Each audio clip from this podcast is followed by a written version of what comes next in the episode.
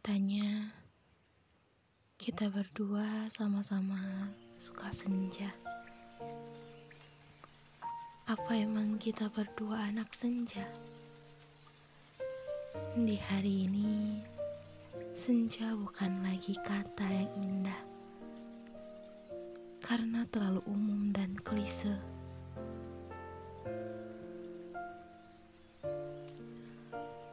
Bagaimana kalau aku sebut kamu si swastamita dan kisah kita layaknya cakrawala yang seolah terbenam oleh pekatnya malam menuju fajar. Kamu tahu kenapa kita sama-sama menyukai senja? Karena di mana ada aku, pasti ada kamu. Di mana ada langkahku, pasti ada langkahmu. Di mana ada jiwamu, di situ aku mulai memeluk. Tapi yang kupeluk bukanlah ragamu, melainkan bayangmu. Sebelumnya, apa kamu tahu apa itu swastamita?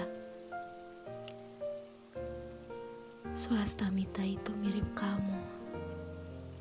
Karena di sana matahari terbenam bersamaan dengan wujudmu. Kekasih yang tidak pernah sanggup aku gapai.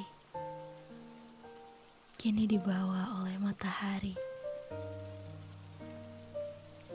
Namun kamu tetap memberi cerah pada setiap orang yang melihatmu.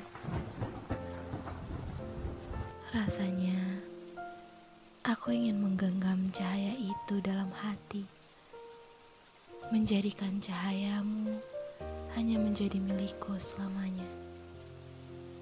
Biarpun orang lain dapat menikmatinya, tapi mereka semua tahu bahwa si empunya adalah aku.